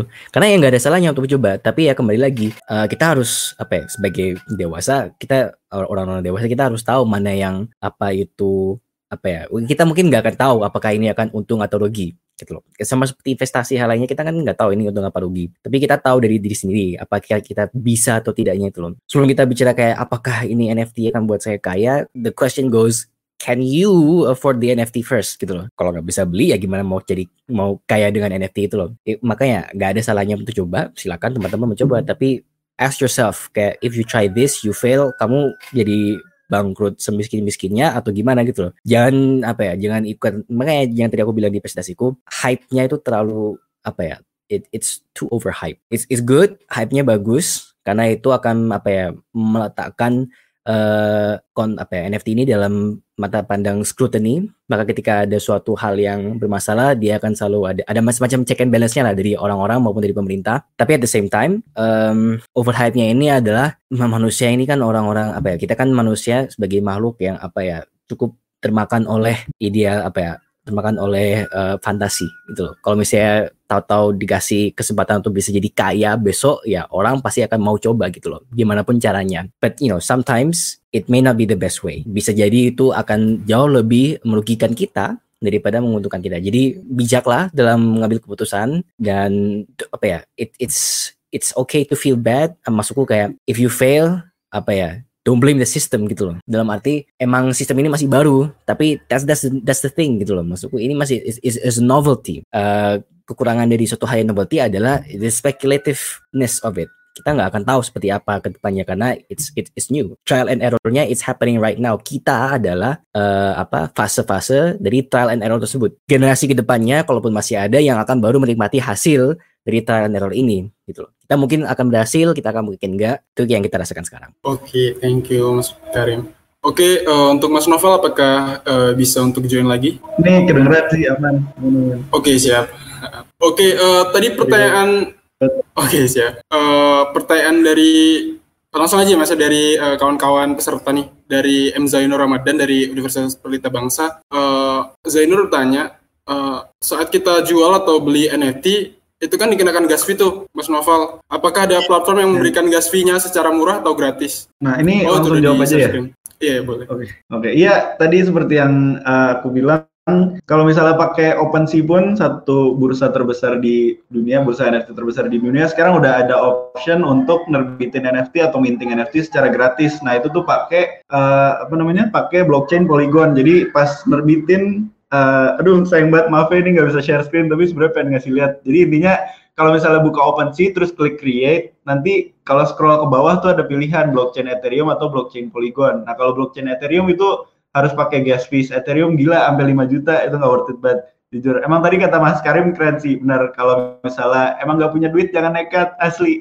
Soalnya emang resikonya gede banget. Nah Uh, kalau misalnya mau coba nerbitin gratis itu bisa ganti tadi blockchain Ethereum ke blockchain Polygon. Nanti nerbitinnya gratis, tapi pas kalau misalnya kebeli atau uh, revenue-nya pendapatannya nanti kepotong dua setengah persen sama OpenSea. Jadi uh, kalau nerbitin NFT-nya harganya 0,0001 Ethereum yang which is cuma 10 dolar itu ya mendingan pilih yang kepotong dua setengah persen daripada banding uh, daripada bayar gas fees 5 juta Ethereum 5 juta dalam Ethereum 5 juta rupiah dalam Ethereum. Tapi balik lagi kalau nerbitin uh, eh, NFT-nya dalam harga 20 Ethereum yang alias sampai berapa ratus juta, ya kalau itu mending nerbitin uh, pakai blockchain Ethereum yang bayar 5 juta biar nanti profitnya nggak kepotong karena dua setengah persen dari yang harga mahal pasti akan lebih besar dari 5 juta gas fees tadi. ya, kalau mau gratis ya intinya pakai Polygon sih di OpenSea. Tapi ada bursa-bursa uh, lain yang sebenarnya perlu dieksplor tadi di dapradar.com, d a p p r a d a r.com. Lebih banyak. Komunitas di Indo juga udah mulai banyak kok kalau misalnya mau ikutan yang uh, eh, NFT artis. Kalau misalnya emang fokusnya ke art tuh. Oke, okay, uh, eh, tanggapin lagi de dari pertanyaan saya tadi ya Mas ya. Uh, kan market terbesar hmm. buat jual beli NFT itu salah satunya di OpenSea Mas. Hmm. Nah, beberapa hari yang lalu saya sempat buka-buka uh, media sosial bahwa di OpenSea itu uh, ada kasus scam mas uh, untuk jual beli NFT. Ada nggak sih mas kiat-kiat khusus dari Mas Novel tuh untuk uh, mungkin kawan-kawan yang udah kebelet nih ya walaupun tadi Mas Karun udah bilang uh, ya kalau nggak mampu ya jangan takutnya nanti ya sakit lah hatinya atau nyesel ke depannya kan nggak ada yang tahu. Tapi kalau ada kawan-kawan yang udah ngebet, ada nggak sih mas kiat-kiat dari Mas Novel tuh untuk gimana uh, menghindari kasus tersebut tentunya buat kawan kawan-kawan yang ingin mencoba. Terima kasih Mas Novel. Menghindari scam ya jatuhnya? Apa menghindari? Iya kan ya? Iya, menghindari scam di OpenSea itu Mas. Iya. Nah, oke. Okay.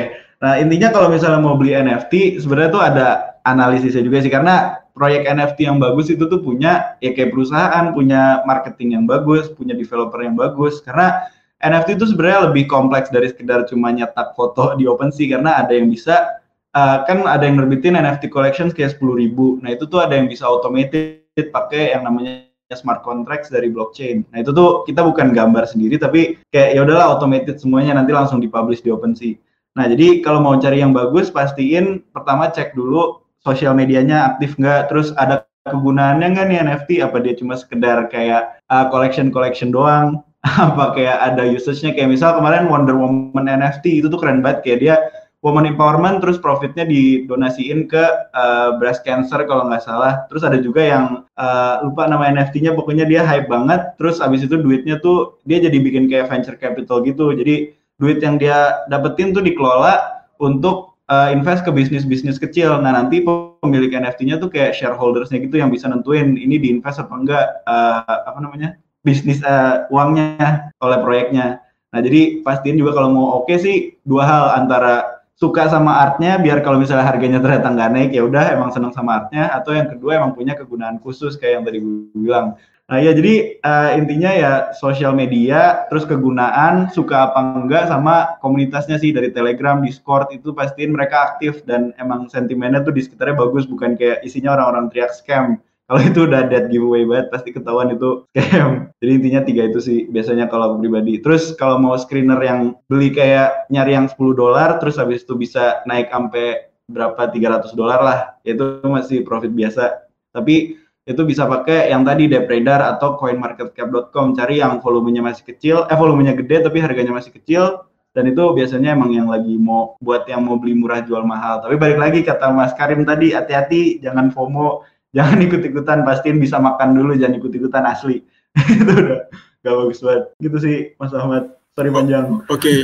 siap. Berarti tentunya sebelum kita jual beli uh, harus cek and recheck ya buat validasi dan hmm. verifikasi hmm. dari developernya. Uh, oke okay, lanjut buat pertanyaan selanjutnya tadi uh, ada yang nanya nih mas. Uh, kira-kira kalau NFT di Indonesia sendiri kan uh, baru Bali United nih yang masuk beberapa hari yang lalu tuh salah satu klub sepak bola di Indonesia, Bali United, buat tuh NFT mas. Ada nggak sih mas selain Bali United atau perusahaan selain bola nih mas yang mas Novel ketahui yang udah mulai berkecimpung di dunia NFT ini mas? Nah sebenarnya kalau di Indonesia tuh udah banyak banget artis-artis NFT dan yang tadi uh, aku bilang ada komunitas-komunitasnya lah. Kalau misalnya misal dia nerbitin di bursa yang blockchainnya Tezos, nanti tinggal cari aja komunitas uh, Tezos Indonesia, NFT artis Tezos Indonesia. Nah itu ada, jadi kayak mereka saling bantu masing-masing dan mereka isinya seniman semua yang pengen cari uang dari NFT. Terus kemarin juga kalau misalnya ada yang tahu ada USS, uh, aduh pokoknya yang pameran sepatu lah bahasa gampangnya di kemarin tuh. Yeah, yeah. Uh, itu kan ada NFT collection juga. Nah itu isinya semuanya NFT-nya orang Indonesia. Jadi emang udah banyak banget seniman-seniman. Tapi kalau perusahaan biasanya yang pure Indonesia banget sih sampai saat ini belum ada tapi yang kayak blasteran Indo sama bule itu udah lumayan banyak gitu Mas Ahmad. Oke, okay, uh, eh, ini ada kawan-kawan lagi yang ingin bertanya nih. Uh, kali ini pertanyaan buat uh, Mas Karin uh, dari Hilda dari Unisba. Uh, apa sih dampak yang ditimbulkan dengan semakin maraknya NFT pada perkembangan ekonomi Indonesia dan apa dampak negatif yang ditimbulkan? Oke, okay, uh, terima kasih pertanyaan yang menarik itu ya. Uh, dampak yang ditimbulkan dari semakin maraknya NFT pada perkembangan ekonomi Indonesia. Hmm, apakah oh, gimana ya? Hmm, kan kita sudah bicara gitu loh kalau misalnya apa ya, essentially value dari NFT ini uh, terletak pada sistem blockchainnya yang itu desentralized apa decentralized dari governments yang itu berarti the apa ya the power is in the people itself. Apakah ini per se akan memiliki dampak pada perkembangan Indonesia itu that's a apa ya uh, ya itu karena nature-nya of apa NFT dan cryptocurrency yang mungkin decentralized dan terlepas dari pemerintahan, maka aku kembali kayak kalau misalnya apa ya, selama ini kan masih belum ada nih koneksi antara NFT dan pemerintah baik secara langsung maupun tidak langsung. NFT mungkin apa ya masih barang-barang yang mungkin tidak bisa dipajak atau belum bisa dipajak. Therefore, the question is perkembangan apa yang dimaksud dalam hal ini? Kayak apakah perkembangan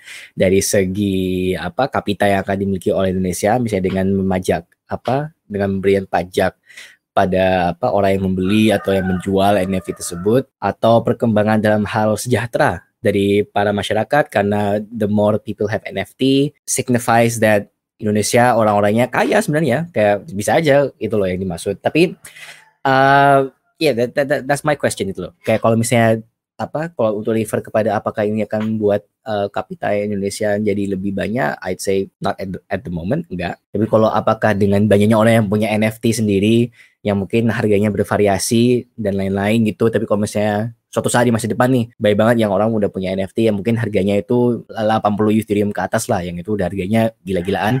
It, it, it shows that mungkin Indonesia udah bukan lagi negara berkembang gitu loh udah bukan lagi kita indeksnya di negara berkembang tapi mungkin negara yang apa ya negara uh, bukan negara yang sedang berkembang tapi negara yang sudah yang sudah berkembang gitu loh. Dalam arti kayak oke okay, with this prosperous we kalau apa ya maksudku kalau misalnya kita aja udah punya uang apa ya disposable income untuk membeli aset investasi yang uh, sespekulatif ini mungkin akan jadi sebuah apa ya bayangan maupun refleksi bahwa oh berarti emang orang-orang Indonesia kaya gitu loh. Karena kan apa ya sama seperti kalau misalnya orang udah memiliki properti udah punya rumah, punya tanah dan sebagainya. Itu kan is a show of wealth gitu loh. Kalau misalnya indeksnya yang dimaksud dari perkembangan ekonomi adalah index of wealthnya seseorang, therefore yes akan ada perkembangannya. Terus apakah dampak negatif yang ditimbulkan? Dampak negatif apa yang dimaksud? Apakah dampak negatif dari ekonomi atau dampak negatif dari lingkungan? Karena emphasisku yang aku rasa dari uh, masa dari cryptocurrency and NFT ini adalah dari segi lingkungannya. Karena let's face it, as cool as the technology is, selama sistemnya itu tidak sustainable dan masih menggunakan apa ya masih menggunakan listrik yang dihasilkan oleh PLN, PLN atau apa yang menggunakan uh, batu bara ya yeah, that's not sustainable gitu Sampai sekarang ini mungkin susah untuk membuat apa sistem blockchain dan bahkan sistem cryptocurrency maupun sistem mining yang sama-sama halnya apa ya tidak apa ya tidak morally guilty yang tidak membuat seorang merasa bahwa mereka bersalah karena sudah menyumbang apa ya sepersekian yang besar kepada kerusakan lingkungan. Nah, mungkin meskipun you know uh, hampir sebagian besar dari masalah lingkungan kita itu jatuh apa ya jatuh kepada korporasi-korporasi besar, tapi fakta bahwa yang kita tahu sekarang ini bahwa blockchain ini sendiri itu udah memakan banyak sekali apa tenaga yang diperlukan untuk harus menjalankan dan ini sistemnya itu nggak bisa berhenti gitu loh. Jadi gimana ya? Um, bayanganku adalah sistem bank aja itu udah 24 jam. Tambah lagi sebuah ledger yang decentralized yang itu nggak ada apa yang berikan ada dua gitu loh nggak cuma dua aja, blockchainnya kan ada banyak. So dalam arti konsumsi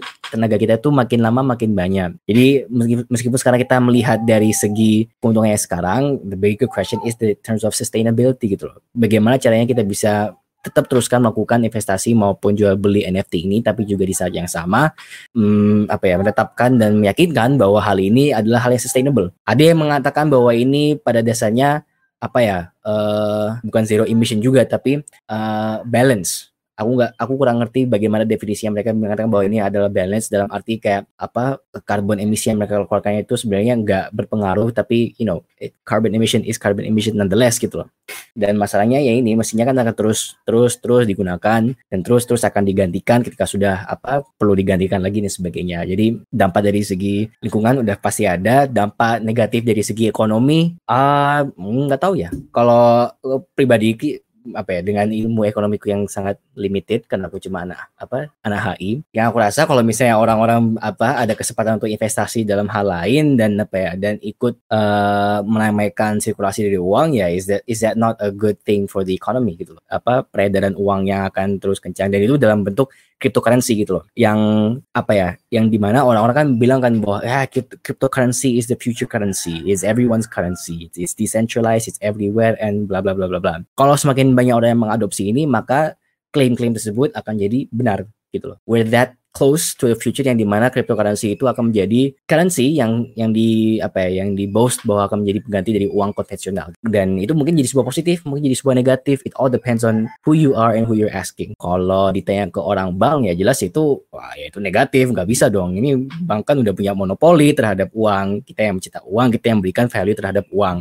Tahu-tahu ada datang nih uh, pendatang baru yang katanya decentralized dibuat oleh orang-orang. Ya itu kan jadi masalah buat dia. Tapi kalau ditanya ke orang-orang apa ya yang emang apa ya memiliki pahaman dan mungkin apa ya mungkin giat dengan isu-isu cryptocurrency dan masa dan sebagainya ya dia akan menganggap sebagai positif gitu loh. So you know negatif positif it's all who you're looking for gitu, who you're asking gitu loh. Kalau nanya ke saya, oke, okay, NFT may have negative impacts on the uh, environment, may have positive impacts on the economy sebagainya sih. Itu sih kalau dari aku. Oke, okay, thank you Mas Karim. Jadi uh, baik buruknya krip, uh, eh, NFT ini uh, sudut pandang masing-masing orang tentunya ya. Uh, lanjut aja uh, pertanyaan terakhir tentunya untuk Mas Noval dari Praditya Magister Ilmu Hukum UGM. Uh, untuk Mas Noval, bagaimana sejarah, cara kerja dan produk hukum nasional dan internasional terkait blockchain, Mas? Dan bagaimana reaksi dan aksi pemerintah terhadap maraknya blockchain yang tersedia saat ini, baik pemerintah Indonesia maupun yang uh, pemerintah yang di dunia ini tentunya. Uh, karena kan sekarang tuh makin apa ya, cryptocurrency kan wow sangat sangat booming sekali mas, walaupun dari uh, Bitcoin dari Satoshi Nakamoto mengembangkan dari beberapa uh, tahun yang lalu, uh, maraknya kan mungkin beberapa tahun uh, belakangan ini uh, belakangan ini aja mas. Mungkin tiga atau empat tahun mungkin ya. Gimana kalau menurut mas Novel tanggapannya mas? Gokil. Panjang nih pertanyaannya keren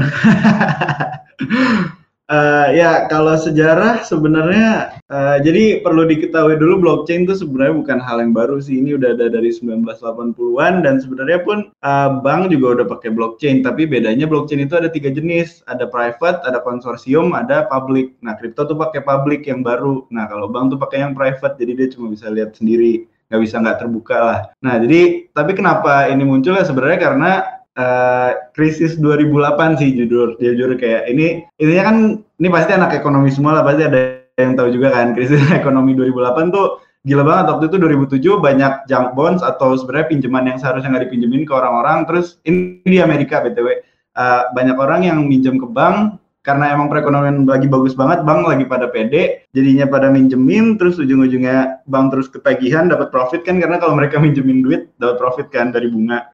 Nah ujung-ujungnya banyak bank yang minjemin junk bonds, jadinya kayak kalau misalnya pernah nonton film The Big Short, nah The Big Short kan ngeliatin tuh kayak orang-orang hillbilly atau kayak stripper. Mereka punya kayak lima rumah padahal ngutang semua. Nah itu kan ngeribat padahal income mereka nggak setinggi itu bayar uh, itu semua lah Nah itu juga terjadi karena mereka pakai private blockchain, jadinya nggak ada yang tahu ya mana mana dipublikasi. Pasti kan suatu kayak gitu ya harusnya ditutup lah sama mereka. Nah ujung-ujungnya uh, benar kan karena emang banyak yang jump bonds, banyak yang credit default, ya banyak yang ujung-ujungnya rugi. Nah dari rugi situ uh, ingat banget tuh waktu itu pas belajar pertama kali uh, ada apa namanya kayak moto dari orang-orang yang demo kepada bank sentral karena mereka habis nge-bail out Eh, bank-bank komersial yang manipulasi ini katanya tuh harusnya bail out the people not the banks. Nah dari situ banyak yang ya sakit hati lah kasarnya karena emang ini harusnya uh, orang-orang yang dirugikan tuh ya nasabahnya karena kan nasabah di bank tuh cuma dijamin 20% kalau banknya kenapa-napa. Terus juga uh, karyawan-karyawannya dipecat, terus juga orang-orang yang minjem tadi karena dia nggak ngerti apa-apa tapi dapat pinjaman ya ujung-ujungnya tinggal di tenda. Kalau misalnya tahu kan banyak dokumentasi tuh banyak orang yang tinggal di tenda. Nah dari situ pada uh, apa ya ada sedikit revolusi baru lah karena nggak percaya sama uh, bank karena waktu itu juga banyak yang krisis. Contohnya Lehman Brothers kan juga krisis gila-gilaan itu kayak duitnya hilang semua lah rata-rata. Nah terus dari situ 2009 muncul white paper atau jurnal publikasi tentang Bitcoin. Nah makanya dari situ sejarahnya dari 2009 tuh Bitcoin dan sekarang terus improve improve blockchainnya pun juga mekanismenya udah pada beda semua Nah, jadi uh, ini mohon maaf banget Mas Karim, tapi aku agak nggak setuju tentang. Aku juga soalnya jujur skripsinya dulu tentang lingkungan, makanya aku juga sebenarnya environmentalist dan kalau misalnya blockchainnya terlalu merusak lingkungan, aku juga nggak setuju. Tapi sekarang tuh udah banyak orang yang pakai mekanisme konsensus yang uh, energy consumption-nya tuh menurun. Jadi kayak mekanisme validasinya tuh kan kalau big blockchain pertama namanya proof of work dan itu tuh pakai ASIC miners. Kalau ngeliat orang-orang mining Bitcoin tuh kayak pakai alat gitu Nah itu tuh bener-bener makan energi banget lah gila emang itu kayak boros banget. Nah jadi dari situ makanya banyak yang ngaku sebagai Ethereum killer atau kayak uh, the next Bitcoin. Nah, itu tuh mereka menggunakan sistem validasi transaksi yang energi konsumsinya lebih kecil, bahkan bisa pakai renewable energy. Karena yang Mas Karim angkat tadi tuh kayak uh, apa yang diserang oleh Elon Musk lah kalau misalnya pernah dengar kan itu banyak banget yang nyerang dia. Nah, itu uh, sebenarnya soalnya emang udah ada uh, publikasi researchnya. Terus juga itu mungkin bisa diperdalam nih bukan aku ngajarin atau apa ya kayak soalnya kan keren nih mas Karim researcher. Asik. Tadinya gue juga pengen jadi researcher tapi nggak jadi. Nah jadinya uh, itu tuh bisa diperdalam dan itu juga jadi bagian dari salah satu uh, sejarahnya blockchain lah. Nah, terus kalau dari cara kerjanya ya emang yang Mas Karim bilang tadi, of course pemerintah kan sama banks nggak bakal suka karena ini decentralized, nanti mereka kontrolnya hilang. Jadinya ada beberapa negara yang udah accept, ada beberapa negara yang masih menolak. Contohnya di Inggris, Inggris nggak suka banget sama crypto blockchain, tapi di uh, El Salvador komoditas. Nah kalau di Amerika Selatan juga udah legal sebagai komoditas, tapi ada beberapa doang yang alat tukar. Terus juga di negara yang kena apa ya, kena sanksi sama Amerika, kayak misalnya Iran dan uh, sekutu-sekutunya itu juga masih pakai Bitcoin karena untuk menghindari sanction dari Amerika tadi. Jadi emang benar sih kata Mas Karim tergantung nanya siapanya bagus apa enggak reaksinya gimana. Tapi kalau dari pemerintah apalagi Cina yang biasanya kalau dari Cina tuh suatu hal yang dilarang Cina biasanya booming. Kayak Facebook, Google, internet semuanya lagi habis itu kan booming. Nah ini juga hal yang sama terjadi. Tapi ini aku sebias mungkin lah nggak maksud mihak ke siapa-siapa karena emang ada pros and cons-nya juga. Tapi ya kalau di Indonesia sendiri intinya tuh sekarang lagi di regulasiin sama Bapepti dan ini perlu diketahui juga legal sebagai komoditas bukan alat tukar. Jadi di Indonesia tuh ada 13 bursa yang legal untuk memperdagangkan kripto dan ada 229 aset kripto yang legal di Indonesia. Nah, terus kalau misalnya masalah regulasi, kalau misalnya lihat berita kemarin lagi agak ramai tuh sama Bank Indonesia Nah itu ada kurang sinergi sih jujur karena sebenarnya udah booming dari 2017 dan hal yang sama udah terjadi di 2017 tapi sekarang emang kalau puncak bulan tuh suka mulai muncul-muncul berita regulasi-regulasi lah. Nah makanya emang reaksinya sebenarnya uh, harusnya ada sinergi lagi dan ya sekarang langkah paling deketnya katanya Bapepti uh, di bawah uh, di bawah Kementerian Perdagangan tuh mau bikin bursa kripto yang intinya menjaga keamanan investor lewat uh, lembaga clearing dan lain-lainnya lah. Jadi intinya datanya ya tersimpan di pemerintah sih, tapi nggak tahu lah mana apa enggak, terserah. Tapi intinya kalau misalnya perpindahan dananya ya jadi lebih terlihat dan dibantu diawasi mereka. Nah itu mau dianggap sebagai amanan yang uh, bertambah atau malah jadi bahaya ya balik lagi emang perspektif banget. Jadi tanggapannya gitu sih. Semoga menjawab. Oke, okay, uh, eh, makasih Mas Noval. Uh, ya yang kita ketahui juga uh, banyak sih blockchain uh, yang sudah ramah lingkungan uh, seperti GoChain dan sebagainya ya tinggal kita cari tahu cari-cari tahu aja uh, kalau saya baca sih sudah mulai banyak sih baik uh, sebelum menutup diskusi kita kali ini di acara di discussion seri ke-66 uh, mungkin dari Mas Karim atau Mas Novel bisa menyampaikan closing statement untuk peserta diskusi uh, tentang NFT hari ini. Uh, untuk Mas Karim dulu deh, uh, dipersilahkan. Boleh, boleh. Uh, terima kasih. Um, terima kasih atas kesempatannya. Meskipun saya sendiri juga apa kurang ahli dalam perkara NFT, tapi uh, mungkin uh, point of view yang bisa saya bawakan kepada para penonton hari ini ada point of view dari orang yang awam atau sedang belajar tentang NFT. Ada apa ya? Dalam presentasi saya, saya mencoba untuk memberikan apa pandangan yang netral dan sedikit was-was dengan NFT ini, and it's apa ya? Mungkin yang bisa diterapkan juga oleh teman-teman yang mungkin ingin mencemplungkan diri dalam dunia cryptocurrency dan NFT. Jangan kemakan oleh hype itu saran dari saya pribadi pengalaman pribadi juga mungkin kalau misalnya teman-teman tahu dari waktu Dogecoin itu buh orang-orang pada makan hype gara-gara Elon Musk kan yang ujungnya pada loss semua kan. Ada yang loss kan ada yang masih tahan. Anyways intinya adalah do your own research. Uh, internet ini jauh lebih luas daripada dulu sekarang daripada dulu. Sekarang kita semua bisa mencari informasi apa pun pelajari diri sendiri make your own decisions and you know namanya juga investasi kan pasti ada ada untungnya ada ruginya. Gak akan selalu untung terus tapi at the very least kita harus mengetahui dulu instrumen apa yang kita akan gunakan apa ya uh, instrumen apa yang akan kita masukkan sekarang ini apa yang sedang kita, apa yang akan kita masukkan dalam dunia NFT ini gitu sih. Jadi uh, saran saya kalau ada yang mau mencoba NFT silakan aja. It's it's it's new technology. It's always fun to try something new. Tapi hati-hati jangan sampai apa ya gak ada rumah untuk beli apa untuk beli NFT ya itu kan sama aja apa ya biting more than you can chew gitu loh. Jadi prioritaskan diri sendiri. Investasi adalah investasi yang investasi yang bagus adalah investasi yang digunakan dengan uang uh, apa ya uang nganggur gitu loh. Bukan uang makan bukan uang kos, apalagi uang yang lainnya itu sih. Oke, okay, thank you Mas, uh, Mas Karim. Jadi uh, uang dingin lah intinya Mas ya, kalau mencoba hal baru tentunya, biar nggak sakit hati tentunya. Oke, untuk Mas Novel, ada tambahan untuk closing statement pada diskusi sore hari ini? Silahkan untuk Mas Novel. Uh, Oke, okay, thank you banget BTW udah diundang ke sini nih seru banget ngobrol-ngobrol sama mahasiswa. Gila jadi kangen kuliah asli. jadi uh, kalau dari aku pribadi melanjutkan Mas Karim tadi bener banget intinya pakai uang dingin atau uang anggur guys, jangan FOMO atau jangan ikut-ikutan. Ya, ya pastiin kalian bisa hidup dulu lah baru investasi atau ikut-ikutan hype. Tapi kalau misalnya kalian punya uang anggur, ya balik lagi dulu uh, internet pun disebelin walau emang ada bubble-nya juga. Nah, tapi orang-orang kayak internet terlalu ribet. Ah, nggak usah lah, nggak bakal kepake, ujung-ujungnya booming. Terus juga dulu Tokopedia dan Dojek juga dianggap ribet, mending belajar langsung. Nah, ini juga apa ya? Terus habis itu sekarang laku. Nah, terus juga kripto sekarang dianggap sebagai ribet, tapi ya balik lagi emang kayak inovasi teknologi itu pasti risky banget. Jadi kalau misalnya mau coba ikut atau ikut hype-nya ya kayak pastiin pakai uang anggur atau yang nothing tulus banget lah. Eh nothing tulus ya kayak dijaga lah manajemen resikonya. Sorry, nothing tulus malah malah judi ya. Nah intinya uh, intinya pastiin kalian bisa hidup dulu baru uh, investasi di aset kripto atau NFT gitu. Nah, jangan lupa juga follow ke investasi, of course, koinvestasi.com dan YouTube channel koinvestasi. Promosi dikit. Thank you. Oke, okay, siap. Thank you untuk Mas Novel.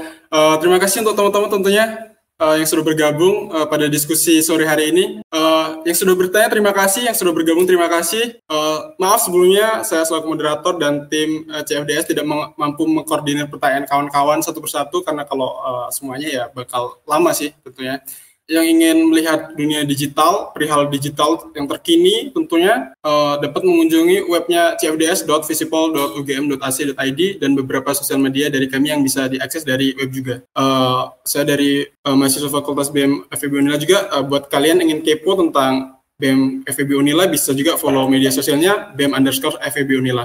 Saya Ahmad Widijanto selaku moderator uh, diffusion uh, seri ke-66 ini mengucapkan terima kasih banyak. Maaf jikalau ada uh, yang kurang tentunya. Saya akhiri wabillahi taufik walhidayah. Wassalamualaikum warahmatullahi wabarakatuh.